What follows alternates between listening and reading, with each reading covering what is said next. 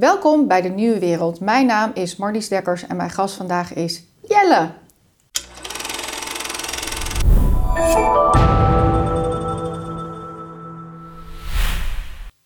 Jelle, welkom. Hi Marlies. Jelle, je hebt een mooi uh, opiniestuk, essay geschreven voor het Parool. En de, de titel is: In plaats van lacherig doen over complotten, moeten we de belangrijkste vragen over stikstof beantwoorden. Waarvoor voelde jij de behoefte om in de pen te kruipen? Nou, zoals de kijkers van de Nieuwe Wereld uh, weten, ben ik ook uh, via deze tafel onderzoek aan het doen naar wat is nou die stikstofcrisis? Waar, hoe is dat beleid tot stand gekomen? En dan volg ik het in de krant, maar ik nodig ook uh, experts uit die dan hier vertellen. En dan, nou, dan volg ik gewoon mijn eigen methode, die jij ook kent. Van gast heb je soms om zeg maar privécollege te krijgen waar jullie dan bij zijn. En dan probeer gewoon te kijken van heb ik het begrepen, uh, gebruik de goede woorden, wat, wat, wat, wat, wat speelt hierachter, is er iets verzwegen in een tekst. En zo pak ik het stikstofprobleem ook aan. Dus ik heb me gewoon in verdiept, ook buiten de nieuwe wereld om.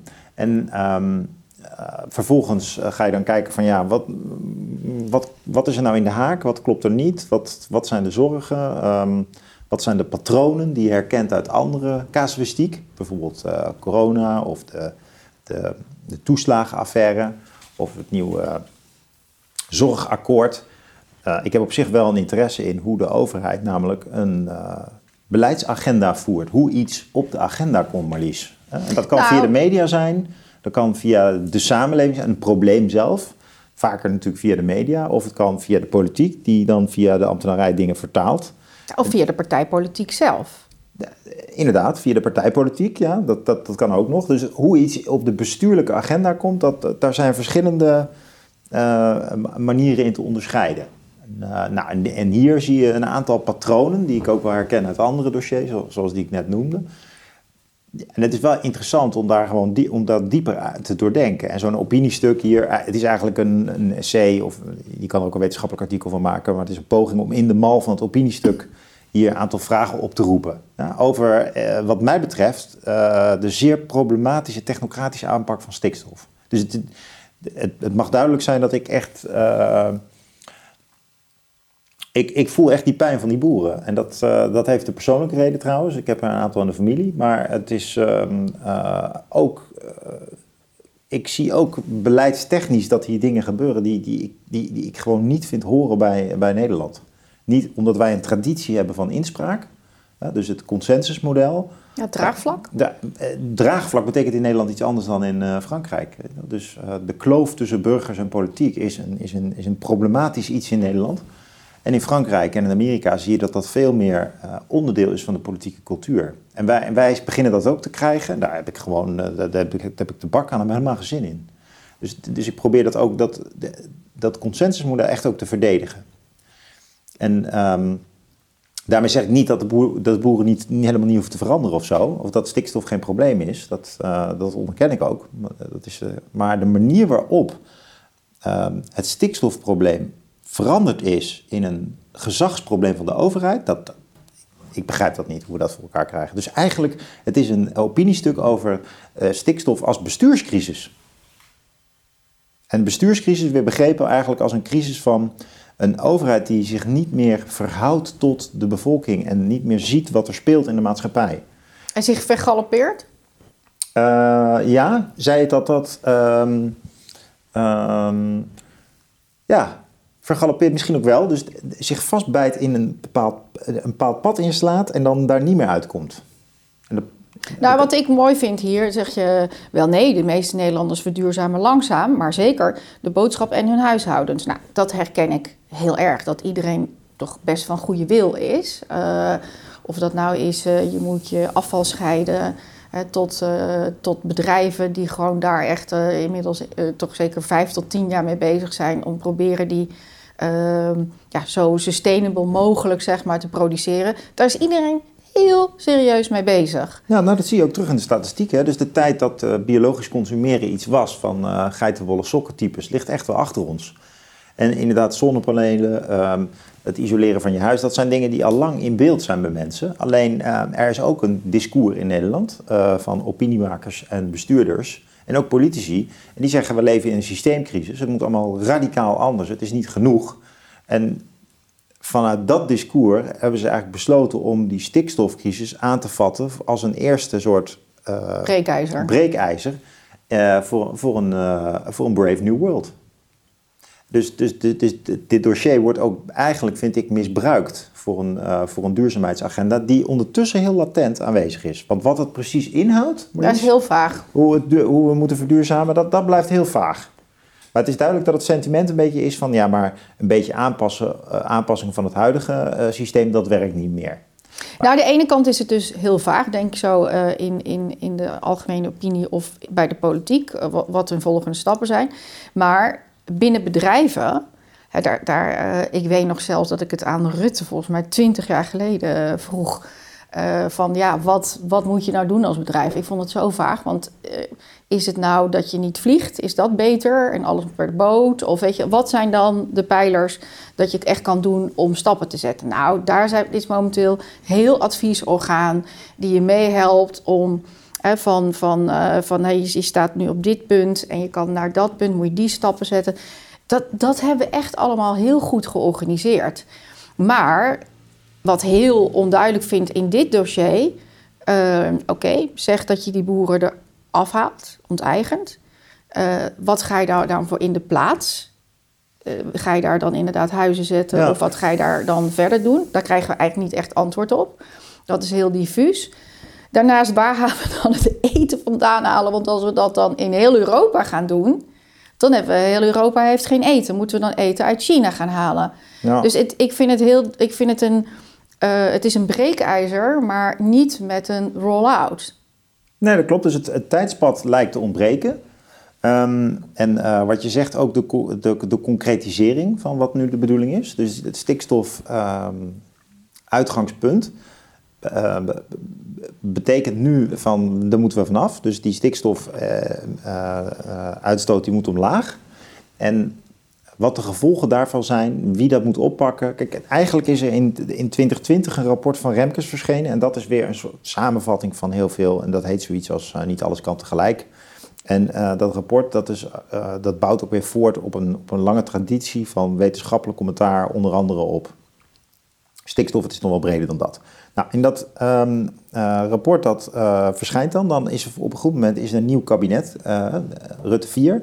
En die hebben dan besloten dat is dus onderdeel geworden van het, uh, van het kabinetsplan, van, van, wat de regering inhoudelijk wil. Want dit moeten we nu gaan uitvoeren. Nou, dan is Remkes gevraagd als schrijver voor het, van het rapport van nou kom jij maar vertellen hoe, uh, we moeten doen. hoe we verder. En nu is dat rapport eigenlijk dus, uh, zeg maar drie kwart jaar geleden, als onderdeel van een aanpak van de regering gewoon over de schutting gegooid. Naar, vooral naar provincies, en uh, is zo van gezegd, nou dit, dit, is, dit moeten we halen. Hè? En uh, dat, de datum verschilt dan nog een beetje, 2030, uh, 2035. Um, er zijn ook nog andere opties, maar in ieder geval het moet snel. En, maar hoe, dat, daar mogen jullie over praten, maar het moet in ieder geval gebeuren. En, de, en, en, en daar mis jij de Nederlandse cultuur van we gaan er met Zeker, elkaar over praten. Juist. En vooral ook, dus wat jij ook zegt, van ja, de integrale blik. Dus uh, de focus op stikstof of zelfs op die kritische depositiewaarde, wat eigenlijk weer een afgeleide is van stikstof, een, meetpunt om te kijken wanneer er te veel stik, stikstofuitstoot is. Uh, die, die abstracte benadering maakt dat andere vragen die er in de, uh, in de publieke ruimte van alles bij elkaar te maken hebben, maar vanuit het oogpunt van de technocraat niet. Dat is heel belangrijk. Dus de technocraat die denkt gewoon, ja, die stikstof, ammoniak, die moet omlaag. Uh, en die kiest daarvoor, typisch wetenschappelijk ook, of wetenschappelijk geïnformeerd beleid, van lineair denken, dingen uitsluiten, resultaatgericht. Uh, terwijl als je in de samenleving staat, dan denk je natuurlijk, hè, maar inderdaad, wat jij zegt, dat vliegtuig zal er toch ook wel iets mee te maken hebben. Maar de technocraat denkt dan, nee, dat, nee maar daar gaat het nu niet om. Dat is een andere stikstof. Dus, uh, en die boer, die heeft dan, staat dan wel met zijn, met zijn verbaasde blik te kijken van, huh, maar dus zij wel en ik niet. Uh, dat is een beetje lullig. En dan blijkt nou eigenlijk hoe langer hoe meer, hoe, langer eigenlijk dat rapport over de schutting van, uh, van de samenleving is gegooid, hoe meer het inderdaad vooral op die boer aan gaat komen. Dus die boer die denkt van, en net als heel veel andere mensen, wat mij betreft ook zouden moeten doen, waar, welke offers gaan andere organisaties maken? Het is gewoon een heel principiële kwestie. Waarom, waarom doet Schiphol niks? Waarom doet Tata niks? Waarom doet de haven van Rotterdam niks? Waar zit de vervoer? Waarom kunnen mensen nog in het vliegtuig stappen? Als, dat, als je dat allemaal niet behandelt, maar je gaat wel kritiek hebben op de boer, dan krijgen mensen dus sterk het idee dat ze zondebok zijn. Dat dus voor dat nieuwe discours van een duurzame toekomst een offer moet worden gebracht. En dat offer, dat is de boer. Nou, en als je, dus gewoon, als je gewoon rationeel reconstrueert hoe dit beleidsproces uh, volgt en wat, wat er waarschijnlijk uit gaat komen, dan lijkt inderdaad sprake te zijn van een zondebok. Dus die boer die Een moet, beetje wat, uh, wat de horeca was bij de, bij de corona. Ja, nou, en waar blijkt het dan concreet uit? Uh, nou, bijvoorbeeld dat, dus dat, dat uh, de Remkes aanpak, die er één is van overdrijving. Dus hij zet eigenlijk in op, ik geloof dat hij wel meer dan 25.000 boeren wilde laten stoppen aanvankelijk. Toen is hij gecorrigeerd. Ja, het waren maar ruim vijf. Ruim 5000 was eigenlijk al genoeg volgens uh, ambtenaren bij het ministerie van Financiën. beter over. Ja, maar er zijn ook er zijn nog allemaal andere correcties denkbaar. Maar je ziet dus dat um, onderdeel van de agendering van de overheid is het crisisgevoel nog even flink opstoken. En dat doet natuurlijk helemaal geen recht aan wat jij terecht net schetst, dat heel veel mensen al aan het verduurzamen zijn. Je kan natuurlijk wel zeggen, het gaat niet snel genoeg. Maar waarom wordt er zoveel angst gecreëerd onder in die hele sector eigenlijk?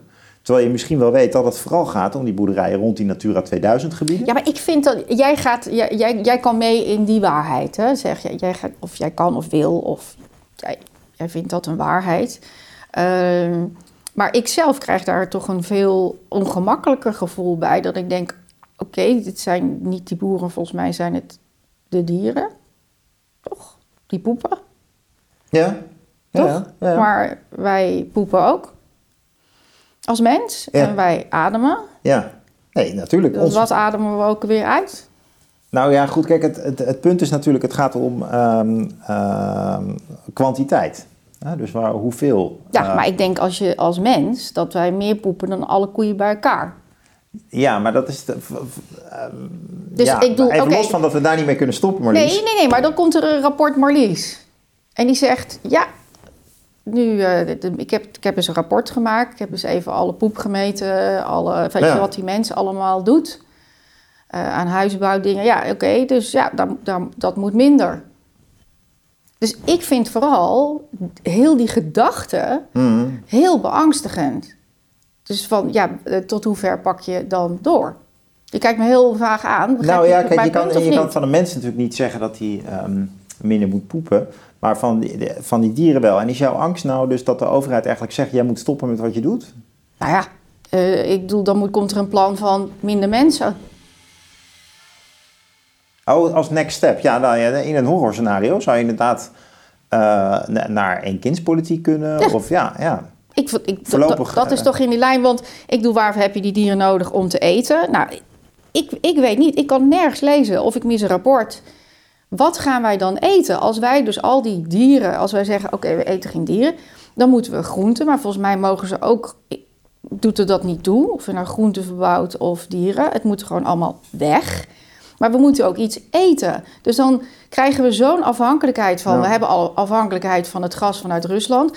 China vanuit alle producten. We hebben in ieder geval nog een eigen voorzienend systeem op voeding. Daar gaan we dus nu ook aan het infuus van wat? Nou. Fabrieken. Fabrieken kosten ook stroom, Ja. energie, gaan ook, ook uitstoot geven. Ja. Dus wat gaan wij dan eten? Dus ik vind Ja, het een nee, totale ontkenning is van wie wij zijn en als mens. En dat wij dus voeding nodig hebben. De kern van het probleem is dan dus, dan zijn wij er met te veel.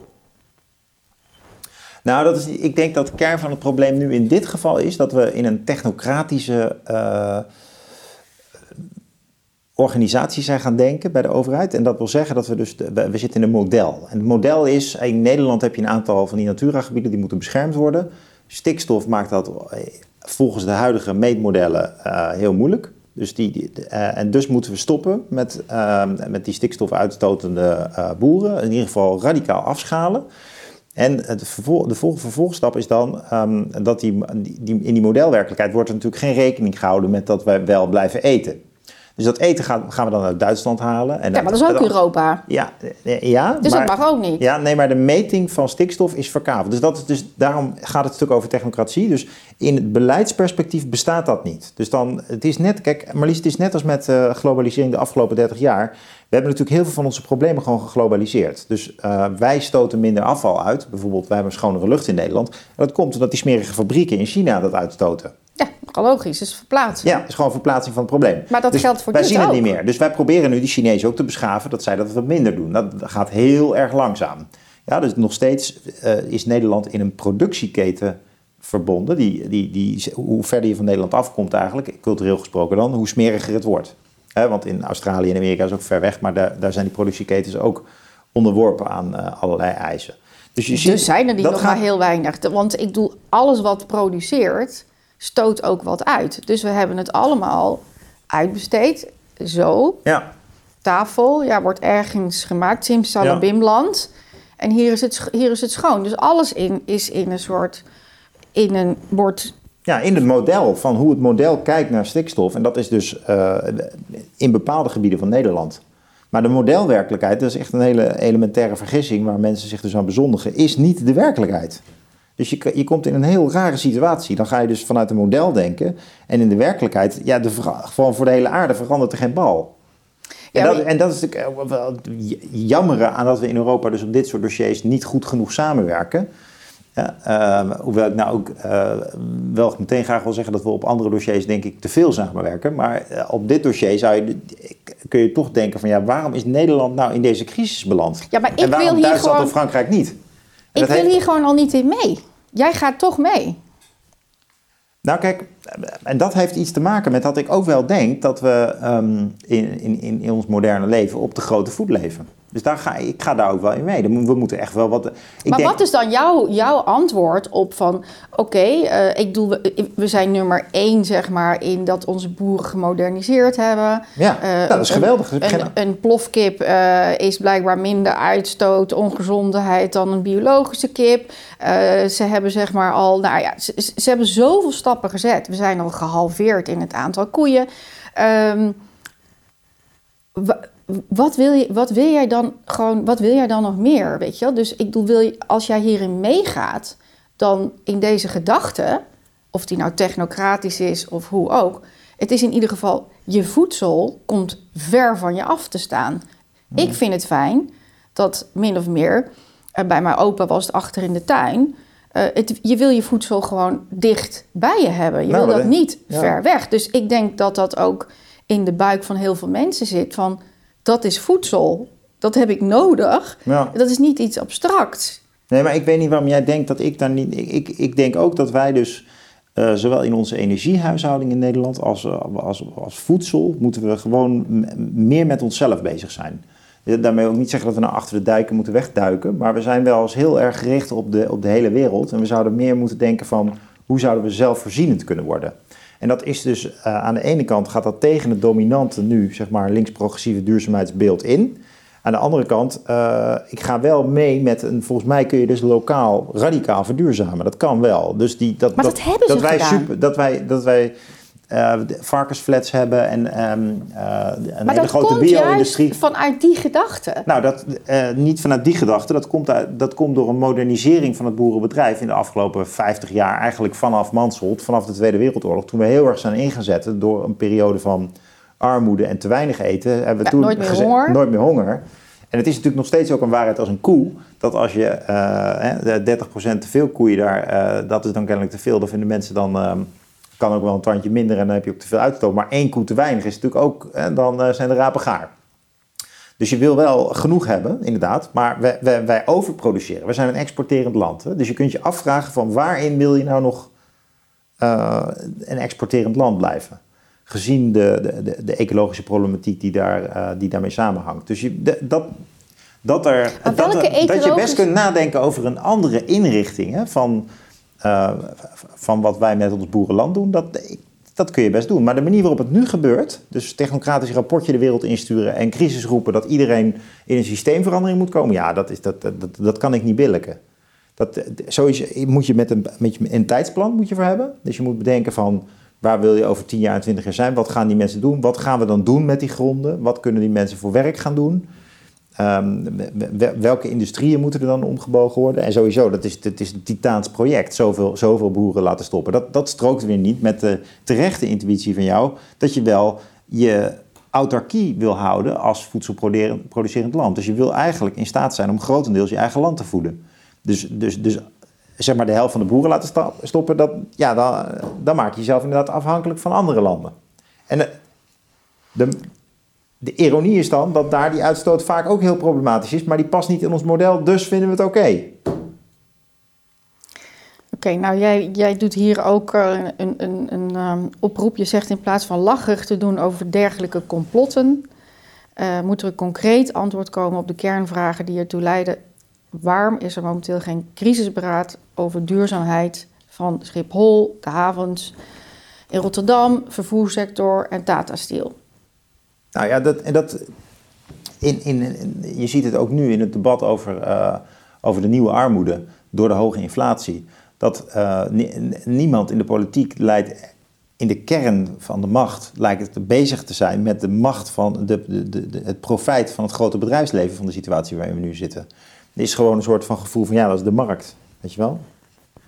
Het is gewoon Shell, die verdient geld aan olie, ja, dat is zo. Antwoord op uh, Pieter Omzicht heeft hij ook uh, deze week gepubliceerd. Dus dan vraagt hij ook van, uh, nou, wat is nu het beleid naar de, naar de toekomst toe? Hè? Want ja, we zijn dit allemaal aan het doen. Het is uiteindelijk de markt. Ja, en gaat, die, gaat die markt dan profiteren terwijl wij armer zijn? Wat, wat, wat, is dat voor iets? En dat vind ik dus ook met uh, complotten en ook met het verhaal van de Great Reset. Het, zeg maar, mensen zijn daar sceptisch over, omdat ze zeggen van...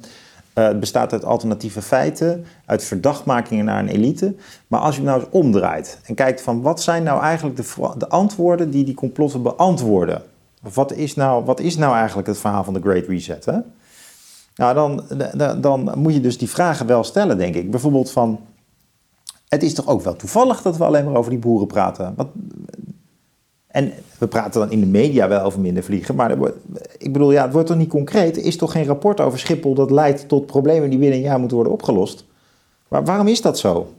En als je dat dan adresseert en zegt van ja, de elite die wil blijven vliegen, dan, dan ben je complotdenker. Terwijl je kan ook de vraag dus omdraaien. Zeggen van maar waarom is het ook zo dat Schiphol niet onder druk staat? Of waarom staat Tata Steel niet onder druk? En dan, dan ga je dus inderdaad denken van nou, er zit dus een plan achter waarbij iemand wel wordt opgeofferd voor het nieuwe discours, terwijl anderen de dans ontspringen. En zo, en zo kijk ik dus ook naar andere dingen. Bijvoorbeeld maar, maar de, verdacht, de, verdachtmakingen rondom dus dat de, de, de toekomstige eh, bestemming, die eh, uit de hoek van de uh, van de complotten komt. Hè? Dus uh, mensen zeggen van ja, zo'n Bill Gates of gewoon rijke Nederlanders die het wel zien zitten om die boerenlanden op te kopen. Nou, is die verdachtmaking nou helemaal, Marlies, is dat nou helemaal debiel om dat te denken? Dus er komt aan de ene kant een verhaal van de overheid en die, uh, er komt er eigenlijk op neer van er moeten misschien wel 25.000 boeren stoppen. Al die hectares grond, hè? Je, hebt het over de helft van Nederland. Wat, wat, en wat gaat ermee gebeuren? Ja dat, ja, dat is nog onduidelijk. Er zijn natuurlijk mensen die uh, gaan daar garen bij spinnen. Die zitten lekker uh, thuis, de scoren op hun molen, weet je wel. Er zijn al allemaal equity-partijen die, die, die daarop aan het voorbereiden zijn. Waarom zou dat niet zo zijn? Wat, wat, wat is het nou voor waanzin om te denken dat je zo'n vraag niet hoeft te bespreken met elkaar? En, um, dus ik vind dat men veel te weinig serieus ingaat op de zorgen van mensen over die, over die, over die Great Reset in dit, in dit verband. En dan gaat maar het dus heeft ook over... de politiek dan ook geen antwoord? Uh, of is het echt planmatig? Nou, het is een, je ziet dus dat de, uh, dat, dat de overheid in Nederland, zowel zeg ik ook in het stuk, eigenlijk heeft van oudsher een, een, kritische macht ten opzichte van de markt. Dus, uh, dus de politiek heeft een kracht ten opzichte van de markt en ten opzichte van de staatsbureaucratie. Dus je hebt staatsbureaucratie is bijvoorbeeld de Europese Centrale Bank. Dus de Europese Centrale Bank heeft een enorme macht op ons land. Die macht hebben we gegeven. Dat is ook wat je dan zegt, ooit democratisch gelegitimeerd geweest. Maar inmiddels uh, is die ECB niet meer in ons belang aan het handelen natuurlijk. Want de rente kan hier niet verder omhoog, want dan verzuipen de Italianen bijvoorbeeld. Dus, en dat is ook begrijpelijk. We, we, hebben daar ooit ook voor gekozen. Maar je ziet wel dat die macht die groeit van de ECB. Zeker in tijden van hele grote inflatie. Dan kun je dus kijken, door niks te doen of juist wel wat te doen, hebben ze heel veel macht. En de politiek moet er eigenlijk op handelen. Dat lukt niet. De politiek heeft zichzelf dus eigenlijk gecastreerd. De politiek kan niet meer zeggen: dit willen we niet, we stellen hier grenzen aan. Terwijl dat is nou juist wat politiek doet. En dat zie je met heel veel dossiers, dat wij op de een of andere manier een gedepolitiseerde opvatting van politiek hebben. Namelijk, ja, dat zijn afspraken. Dat zegt uh, Jette dan ook. Ja, nee, daar hebben we ons aan gecommitteerd. Nee, politiek is juist afspraken maken en herzien. Dat is politiek. Als je dat niet meer politiek noemt, dan ben je alleen maar aan het uitvoeren wat je hebt afgesproken. En dan onderschat je dat die macht van de afspraak, zeg maar de staatsbureaucratie, dat die enorm gegroeid is in de afgelopen jaren. Dat, dat heet ook wel het proces van gouvernementalisering. Heel veel overheidsinstituties, RIVM is ook een mooi voorbeeld, ECB, universiteiten, Vereniging van de Universiteiten en Hogescholen. Dat zijn instituties die steeds verder van de ministeriële macht zijn komen te staan. En steeds veel meer handelingsautonomie hebben. En dus niet meer verantwoording af, hoeven te leggen aan, uh, aan Den Haag en de mensen die Den Haag representeert. En de mensen die dat dan aankaarten, hè, dus bijvoorbeeld uh, inderdaad, je noemde Pieter Omtzigt al, die, uh, die daar natuurlijk een heldhaftige rol in speelt, mogen duidelijk zijn, een heldhaftige rol wat die man doet in heel veel dossiers ja, die, zijn, die worden gewoon koud gesteld. Want die, die hebben dus kritiek op de overheid. En de overheid zegt tegen de politiek, ja, daar ga je niet meer over. Hebben afspraken gemaakt. Of er komt zo'n raar antwoord. Dat waaruit blijkt dat het helemaal gewoon niet goed doorgedacht is. Een soort rommelig. Ja. Uh, terwijl de, de impact, zeg maar, nou echt dat breekijzer wat jij zegt, dus heel groot is. Ja, dus het krijgt en er is, nieuwspeak. Er is verder, ja, uit uh, eh, 1984, maar verder is er gewoon geen geen, geen uh, volgende, volgende plan. Van hoe gaan, we dan, hoe gaan we dan verder? Nou, die plannen die zijn dus eigenlijk uh, versleuteld al in die overheidsinstituties. Dus, dus zelf een bepaalde doelopdracht hebben die ze gewoon heel serieus uitvoeren. Dus denk ook aan wetenschappers die gewoon primair bezig zijn doen met, met onderzoek. En ook op best wel grote afstand tot Nederland staan, want ze publiceren in het Engels. Ze zijn helemaal niet meer bezig met de Nederlandse vragen. Heel veel wetenschappers zijn helemaal, helemaal niet meer bezig met vragen die Nederland raken. En dat klopt in die zin, en uh, ik ben ook een wetenschapper, dus ik kan het ook wel verdedigen. Het is ambivalent. Ik ben er niet, ik ben er niet op tegen, ik ben er voor, maar de ambivalentie is wel heel zwart-wit geworden. Uh, want heel veel vragen in de wetenschap zijn natuurlijk ook universeel. Dus waarom zou je in vredesnaam alleen met Nederland bezig zijn? Het zou overal moeten gelden. Maar de balans is wel zoek. Hè? We zitten nu echt helemaal globalistisch. Uh, en dat is, maar dat is de ene kant. Maar dat zijn de instituties waar de politiek dus heel ver vanaf staat. En die hun eigen gang gaan. Dat heeft een kracht, het heeft ook een zwakte. Um, en aan de markt is de andere kant. En dan komen we weer ook weer terug bij die uh, stikstofcrisis. Dus je ziet dat allerlei bedrijven, die staan ook op heel grote afstand van de overheid. Uh, van de politiek bedoel ik. Dus je ziet dat de politiek eigenlijk helemaal niet meer kan bedenken dat er markten zijn waar zij zelf meer moet ingrijpen. Dus bijvoorbeeld dat, ja, dat, dat, die oliemaatschappij dus op, op, uh, op uh, ja ik weet, jij, jij bent licht libertijns. Jij vindt, jij, jij vindt het ingewikkeld om dit te, uh, te, te, accepteren als argumentatie. Maar het is natuurlijk wel zo dat juist dat, dat de, uh, de politiek wil eigenlijk de markt de markt laten.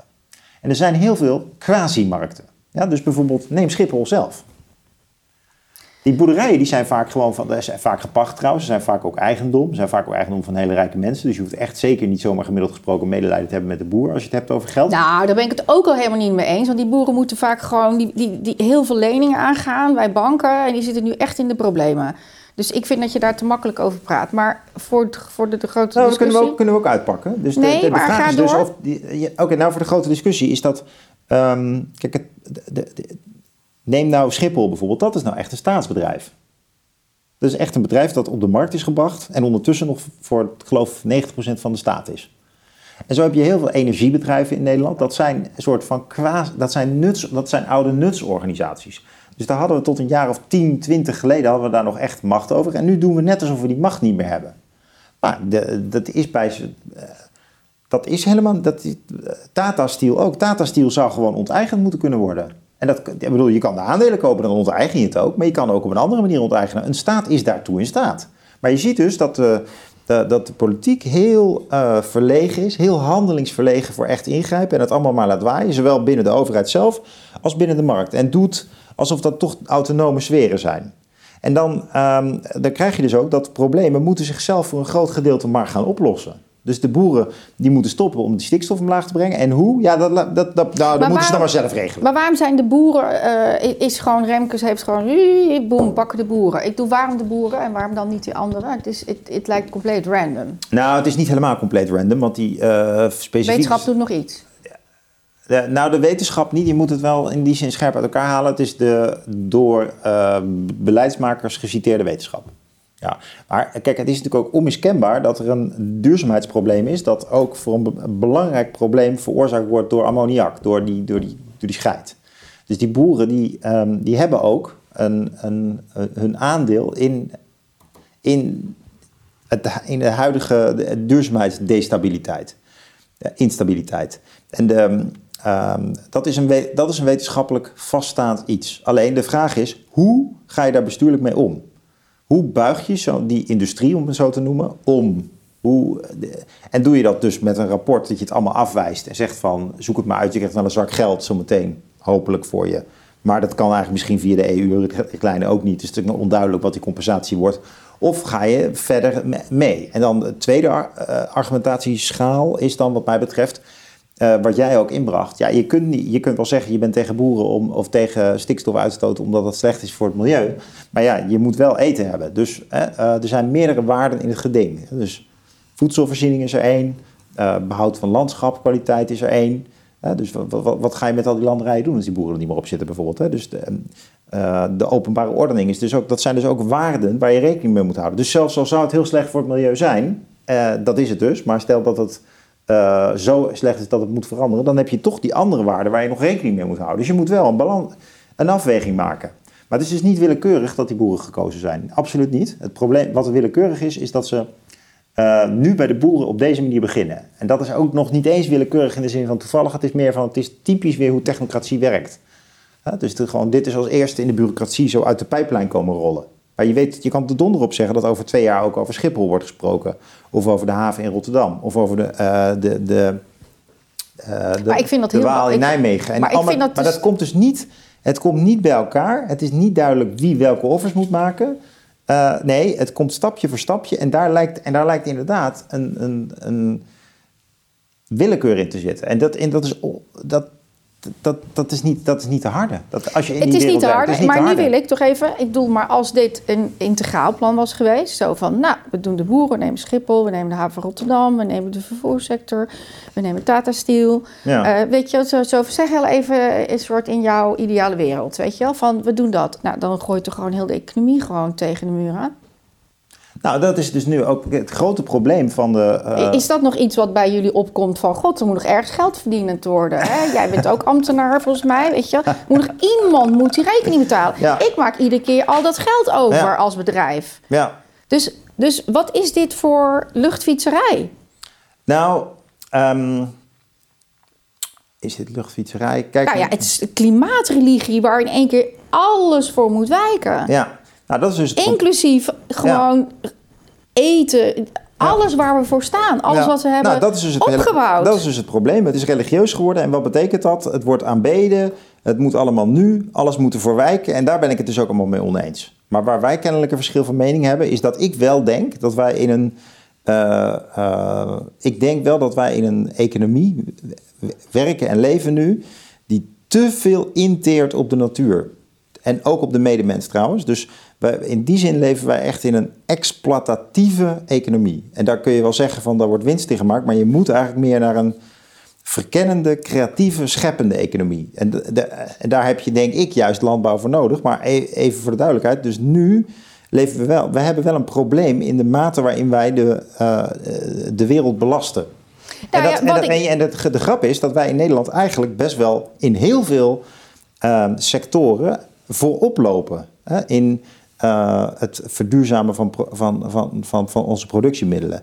Dus wij zijn, en dat, dat zou nog sneller kunnen, maar men vindt dus eigenlijk, en daar, kunnen wij ons, daar vinden wij elkaar, we willen, of men wil nu naar een soort staatskapitalistische duurzaamheidsorde, zonder dat er nog een dialoog wordt gevoerd met oude belangenhebbers. Ik hoor al misselijk van het woord. Wat, wat, wat gaat dat dan inhouden? Een staatkapitalistische nou ja, je ziet het. Ik bedoel, uh, ja, je ziet dat nu al verschijnen. Dus allemaal dus, afhankelijk van de staat? Nou ja, niet alleen van de staat. Ik denk, kijk, als, als je speculeert over de toekomst. Ik bedoel, ik kan natuurlijk niet. Uh, ik heb geen glazen bol of zo. Maar als je bepaalde trends extrapoleert. Hè, dan zie je wel de, uh, de, de, de, kans dat zometeen bijvoorbeeld Elon Musk een elektrische auto schept die je voor 15.000 euro kan kopen. Dat, is, dat, dat wordt zoutzuur voor de automarkt. Dan gaat iedereen die auto rijden.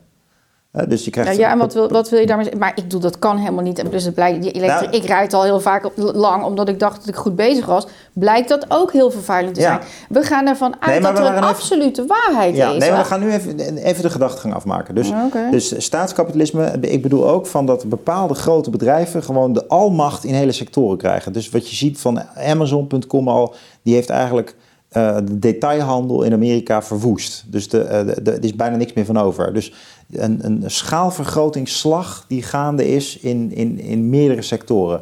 Dat zie je ook dus bijvoorbeeld, om een gek voorbeeld te noemen, dierenartsen. Ja? Dat waren vroeger MKB'ers. En je ziet daar nu opgeschaalde bedrijven opkomen die de hele boel overnemen. En dus het hele idee, en, ehm, en dat moet ook, omdat het, de staat vereist ook van je dat je allemaal eh, normen voldoet en zo. Dus het is heel hard werken om zelf nog je dierenartsenpraktijk in de lucht houden. En er zijn allemaal ehm, sectoren waar, dit, waar die schaalvergroting plaatsvindt. En dat is dus al een oligopolisering van de economie, waar je allemaal grote machten krijgt. Ja? En de staat zelf ook meer macht. Dus ehm, ja, we zijn, ik ben in die zin wel bezorgd om het ehm, verdwijnen van de, van, de klas, van de klassieke economische spelers, van de klassieke ondernemers. Dus het ondernemerschap komt heel erg onder druk te staan. Maar het kapitalisme wordt denk ik uiteindelijk niet door zaken gezet. Dus je krijgt wel, die grote kapitalistische partijen worden juist alles bepalend. Nou, en daarbinnen kan je nog ondernemen. Maar, de, maar Maar zoiets staat ook wel in de Great Reset, toch? nou ja, dit, dit, dat is ook zo. Maar de Great Reset, even voor de duidelijkheid, dat is ook een, in het boek van Swaap. Daar, zit ook, daar is een hoop mythevorming omheen. Maar dat is ook voor een deel een soort redelijk voor de hand liggende eh, visie op de toekomst. Zoals een specifieke links-progressieve elite met een kapitalistisch eh, snufje erbij denkt. Zo, zo, dat is, eh, da- daarom is denk ik ook zoveel kritiek op. Omdat mensen inderdaad heel erg zien dat hij gewoon verwoordt hoe, hoe andere mensen... en vooral mensen in het grote bedrijfsleven en in de politiek denken. Maar ik, ik, dus dat staatskapitalisme eh, is ook een factor. Hè? Dus de staat die steeds meer weer naar zich toe gaat trekken. En dat is denk ik dus ook voor een deel is dat wel te legitimeren, Marlies. Dus je ziet dus dat... Mijn bloeddruk is best hoog. Maar heb, je, heb jij niet het idee dan als je, als je grote veranderingen wil, bijvoorbeeld je wil dat we minder gaan vliegen, dat gaat niet vanuit de markt gebeuren? Maar waarom moeten we in godsnaam al deze veranderingen? Dat is echt vanuit een soort, een soort in één keer een soort waarheid of een waan. Dat we in één keer vinden dat, dit, dat het niet meer zo kan. Ik bedoel, we, we- gaan met, als wereldbevolking zitten we in een decline. Die, die gewoon harder Ja. gaat dan, dan. We zijn niet, de plaag is niet verder aan het groeien. Dus waar komt in één keer deze hersenspoeling vandaan? Dat we allemaal vinden: het kan niet anders dan dat. Ik doe volgens mij moeten we vooral bezig zijn. Ook dat zegt Elon Musk, als je hem dan toch aanhaalt. Van het grootste probleem van de toekomst wordt dat we, met, dat we onszelf aan het uitroeien zijn. Want er worden eh, minder mensen geboren dan eh, dat ze doodgaan. Dus er gaat hier iets mis. Dus dat is aan de hand. Gewoon, mens is aan het uitsterven. En ondertussen zitten we in een soort, dit mag niet meer, dat, dat, dat mag niet meer, zus mag Nou, niet dat meer. is dus het hele probleem. De En hele dat, maar dat is ook wereld een beetje, moet anders. Ja. Waar- wa- Ja. Waarom? Nou, dat is het. Nou ja, goed, er zijn twee, er zijn twee verschillende dingen. De, de, het- de, de hele wereld moet anders. En het nieuwe puritanisme en, en, en het moralisme en woke en zo hebben dus als probleem eh, dat ze niet meer van aanpakken weten en dingen veroordelen. En het moet niet nu, maar liefst gisteren moest alles al anders. Dus dat, eh, ja, ik ben conservatief. geschiedenis- de Laat lekker zoals het is. Jij, jij wilt lekker laten zoals het is.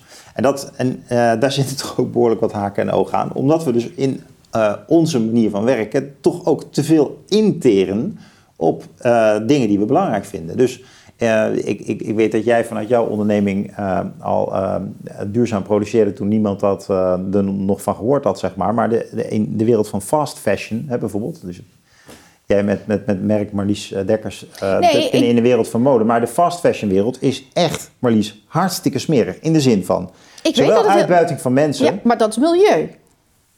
Ja, oké, en dus milieu. Uitbuiten van mensen en milieu. Nou, en dat, eh, ik bedoel, dat, dat, ik beschouw dat ook wel als een feit. En de vraag is Ik dan, hoe ga, je, hoe ga je dat nou veredelen? Hoe ga je dat er nou Oké, uitrammen? maar je hebt zeg maar, je hebt dat, fast fashion. Je hebt zeg maar tickets voor 3 euro. Hè? En zo, zo zijn er allemaal van Ja. dat soort voorbeelden. Oké, maar dat, dat is echt, eh, ehm, dat is te benoemen. Hè, van waar, waar zitten dan de uitwassen? Ja. Dan dat je nu in één keer zo'n heftige breekijzer gebruikt. En dat je alles wat we hebben opgebouwd ja. tegen de muur aan laat klappen. Ja. Dat is te extreem. Ja, maar dat is ook te extreem. Ik, ik vind dit, dus die, daarom een stuk, ik hoop dat de kijkers van de Nieuwe Wereld het ook gaan uh, lezen. Want het, uh, ik ben daar, dat is natuurlijk ook mijn grote zorg. Mijn grote zorg is dat we met, met, met paardenmiddelen naar onze eigen wereld kijken. Echt, dat, dat, dat, zag je in het coronadebat, dat, dat, dat zie je nu in het stikstofdebat. Dat ga je straks rond inflatie ook zien. Het is, het is heel moeilijk voor, uh, voor ons om dus bestuurlijk um, uh, stapje voor stapje ergens anders uit te komen en creatief te blijven.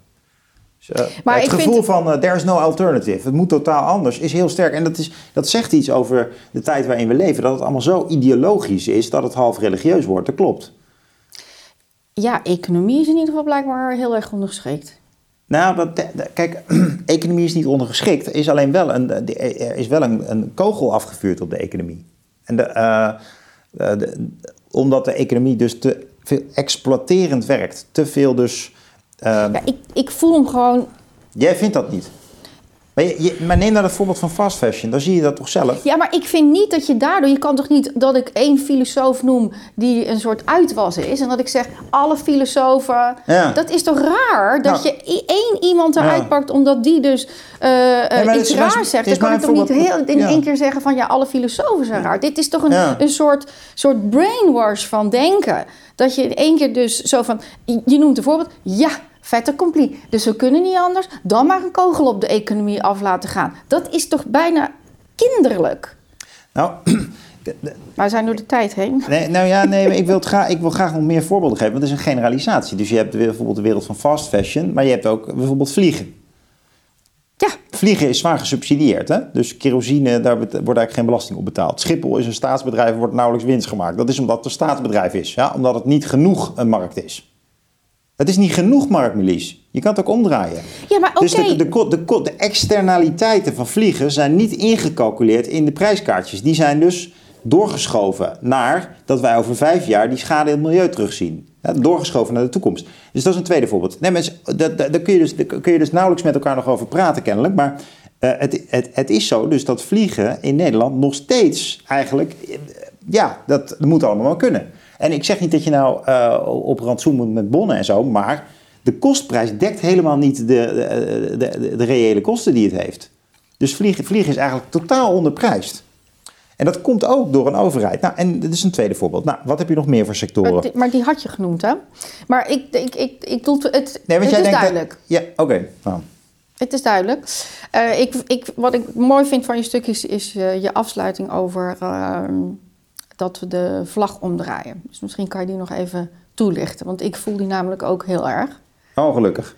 Nou, bij de vlag is het, het is natuurlijk geen toevallig gekozen symbool. Dus, uh, dat staat voor uh, nationale identiteit en voor Nederlanderschap. Onderdeel te zijn van uh, een koninkrijk. En um, dat die wordt omgedraaid, dat is dus een, een, een, hele zware morele aantijging. Wat dat betekent is dat je je niet langer inwoner van Nederland voelt. Dus dat blauw-wit-rood, dat is een uh, is, een, is een symbool voor het diepe uh, identiteitsverlies in Nederland. En dat betekent dus dat een hele groep mensen geen burgerschap ervaart. En dat is dus meer dan alleen maar belangen vertegenwoordigen. Ja, ik vind en dat, het heel mooi geduid. En dat betekent dus dat je dus ook niet meer bereid bent om in het geval van een ernstige situatie, want dit is nog een beleidsverandering die super onhandig technocratisch wordt doorgezet, maar er kan een echte calamiteit optreden kan een echte calamiteit optreden. Dus een, een, uh, Maak die gedachte even af. Nou, een echte oorlog in Nederland bijvoorbeeld. Een burgeroorlog. Nou, de, de, dat zou natuurlijk, maar je kan ook in een echt conflict terechtkomen. Dan zit je dus met een groep mensen die zich gewoon niet meer identificeert met Nederland. En ja, dan, uh, dan, er is al een grote groep afhakers in Nederland, maar dit symbool is toch nog weer een graadje heftiger. Ik denk dat dit echt een moreel appel is aan Rutte, om dat mensen echt zeggen van je, ga, je gaat grenzen over. En het grenzen van hoe wij ons identificeren. Nou, en het probleem is maar liefst dat uh, Mark Rutte en, en de, de, de, de klasse van bestuurders in Nederland en academici, die identificeren zich ook al niet eens meer met Nederland. Dus die zien niet hoe diep deze aanklacht is. Want die denken, ja, de vlag is omgedraaid. Nou ja, wij hebben niet eens een vlag, denken die. Weet je wel? Gekkigheid. Ja, wat uh, is een leuk folklore, een vlag. Want die zijn, dat is dus dat glo de globalistische denken, dat de, de wereld is toch ontgrenst? Ja, dat is, dat, dat is, dat is de, de EU. Dat ja, is, het- het- ja, de EU, maar de EU is toch ook maar een samenwerking en nog geen federale staat en zo. Dus je, je hoort de andere mensen denken van ja, die vlag dat is, heeft geen grote betekenis. Maar voor de mensen die gebonden zijn aan de aarde, zoals boeren, en die op aarde werken waar hun ouders en grootouders op gewerkt hebben, die hebben dus wel een verbinding met Nederland. En ik weet niet of ze het allemaal zo. eh, ja, maar ik vind het zo op gut feeling goed gekozen. ja, eh, het is ook zo. Het is ook op gut feeling goed gekozen. Maar ik denk dat gut feeling ook een, een, een belangrijke toegang is tot, eh, tot, de, tot, tot, tot wat jij eigenlijk wat jij, wat jij bent. Ook collectief gesproken. Ja, ik heb in dit, dit, dit gesprek ook alleen maar daaruit gesproken. Ja. Dus, dus die vlag dat die is omgekeerd, ja, dat is dus een, een, een, een, een zeer pijnlijk vers- eh, symbool. En ik, ik denk dus in dit stuk, en wij, wij verschillen van mening in de diagnose van hoe sterk de duurzaamheidsproblematiek speelt. Maar volgens mij eh, vond je het wel inspirerend op het niveau van hoe, in hoeverre dus de duurzaamheidsproblematiek ook een gezagscrisis eh, Nee, zeker. Er zitten hele mooie duidingen en, in. en daarin is denk ik dus samenvattend de gedachtenlijn voor mij zo. Je moet boeren eh, niet tot zondebok maken, maar met ze praten en verplichten te praten. Maar ook met Friesland Campina en Rabobank. En ook met Schiphol en ook met degene die over de ruimtelijke ordening gaat. Dat is trouwens Hugo de Jong, dat is wel, eh, die kennen we natuurlijk. Eh, maar je, je wil dus juist de plaats van de toekomst van het boerenbedrijf in de hele eh, economie be- bespreken. Om ook te laten zien van dit is iets waar we gaan allemaal wat veranderen. En als je dus doet dat alleen die boeren moeten veranderen, ja, dan krijg je dus eh, daar, daar, krijg je de handen niet voor op elkaar. Mensen willen wel veranderen in een, eh, in een, in beleidsagenda die te maken heeft met wat is de toekomst van wonen, wat is de toekomst van voedsel. En als je dat er niet bij betrekt en niet kan afkaarten of dat te moeilijk is, dan is dit een te grote greep. Dit is een titaanse greep. Die, dus, mijn- dus mijn kritiek is eigenlijk van ja, eh, we vermoeden een agenda, namelijk dat jullie het aan de markt over gaan laten en een paar overheidsinstituten die eenzijdig denken. En dat kan heel problematisch uitpakken. Daar gaan weer een paar mensen enorm van profiteren. De Sieverts die al die landerijen gaan opkopen. Dus er moet meer agenda komen. Maar wel eh, in, ben ik het, zit ik ook op jouw spoor. Een agenda die hoort bij Nederland. Dus het is eh, van wat willen wij zijn als Nederland? Vanuit een visie op wat, wat willen wij gaan doen met, met ons land? Wat zijn die Natura-gebieden? Waar je dus ook die discussie nog eens aangaat. En hoe wil je die stikstof meten? En dat is de feiten, de, de, eh, de, de, eh, de waarden die, waar je mee te maken hebt. Wat willen we met ons landschap doen? Wat, wat voor waarde heeft die boer nog meer dan eh, alleen maar voedselproductie? De feiten, de waarden en de mogelijke probleemoplossingsrichtingen. Dus de, ehm, ja, misschien moet je wel zeggen van we, houden, we gaan toch naar meer stikstof. Eh, want er zijn bepaalde andere waarden in het geding die we, ja, eh, die we gewoon te belangrijk vinden. Of we gaan bijvoorbeeld nog 30 jaar eh, nog wel flink over de stikstofgrens heen, maar daarna bouwen we het af. Zodat je de families kan Nou, afbuigen. perspectief. In ieder geval perspectief. inderdaad. Dus Kijk, dat nogmaals, dus- ze, zijn al, ze zijn al gehalveerd. Toch nog even en dat moet je dus blijven, dat moet je Ja. blijven bespreken. Dat is volgens mij het consensusmodel. Dat is helder. Ehm, nog even omdat dat symbool zo mooi gekozen is. Hoe zie je dat ten opzichte van de gele hesjes in Frankrijk?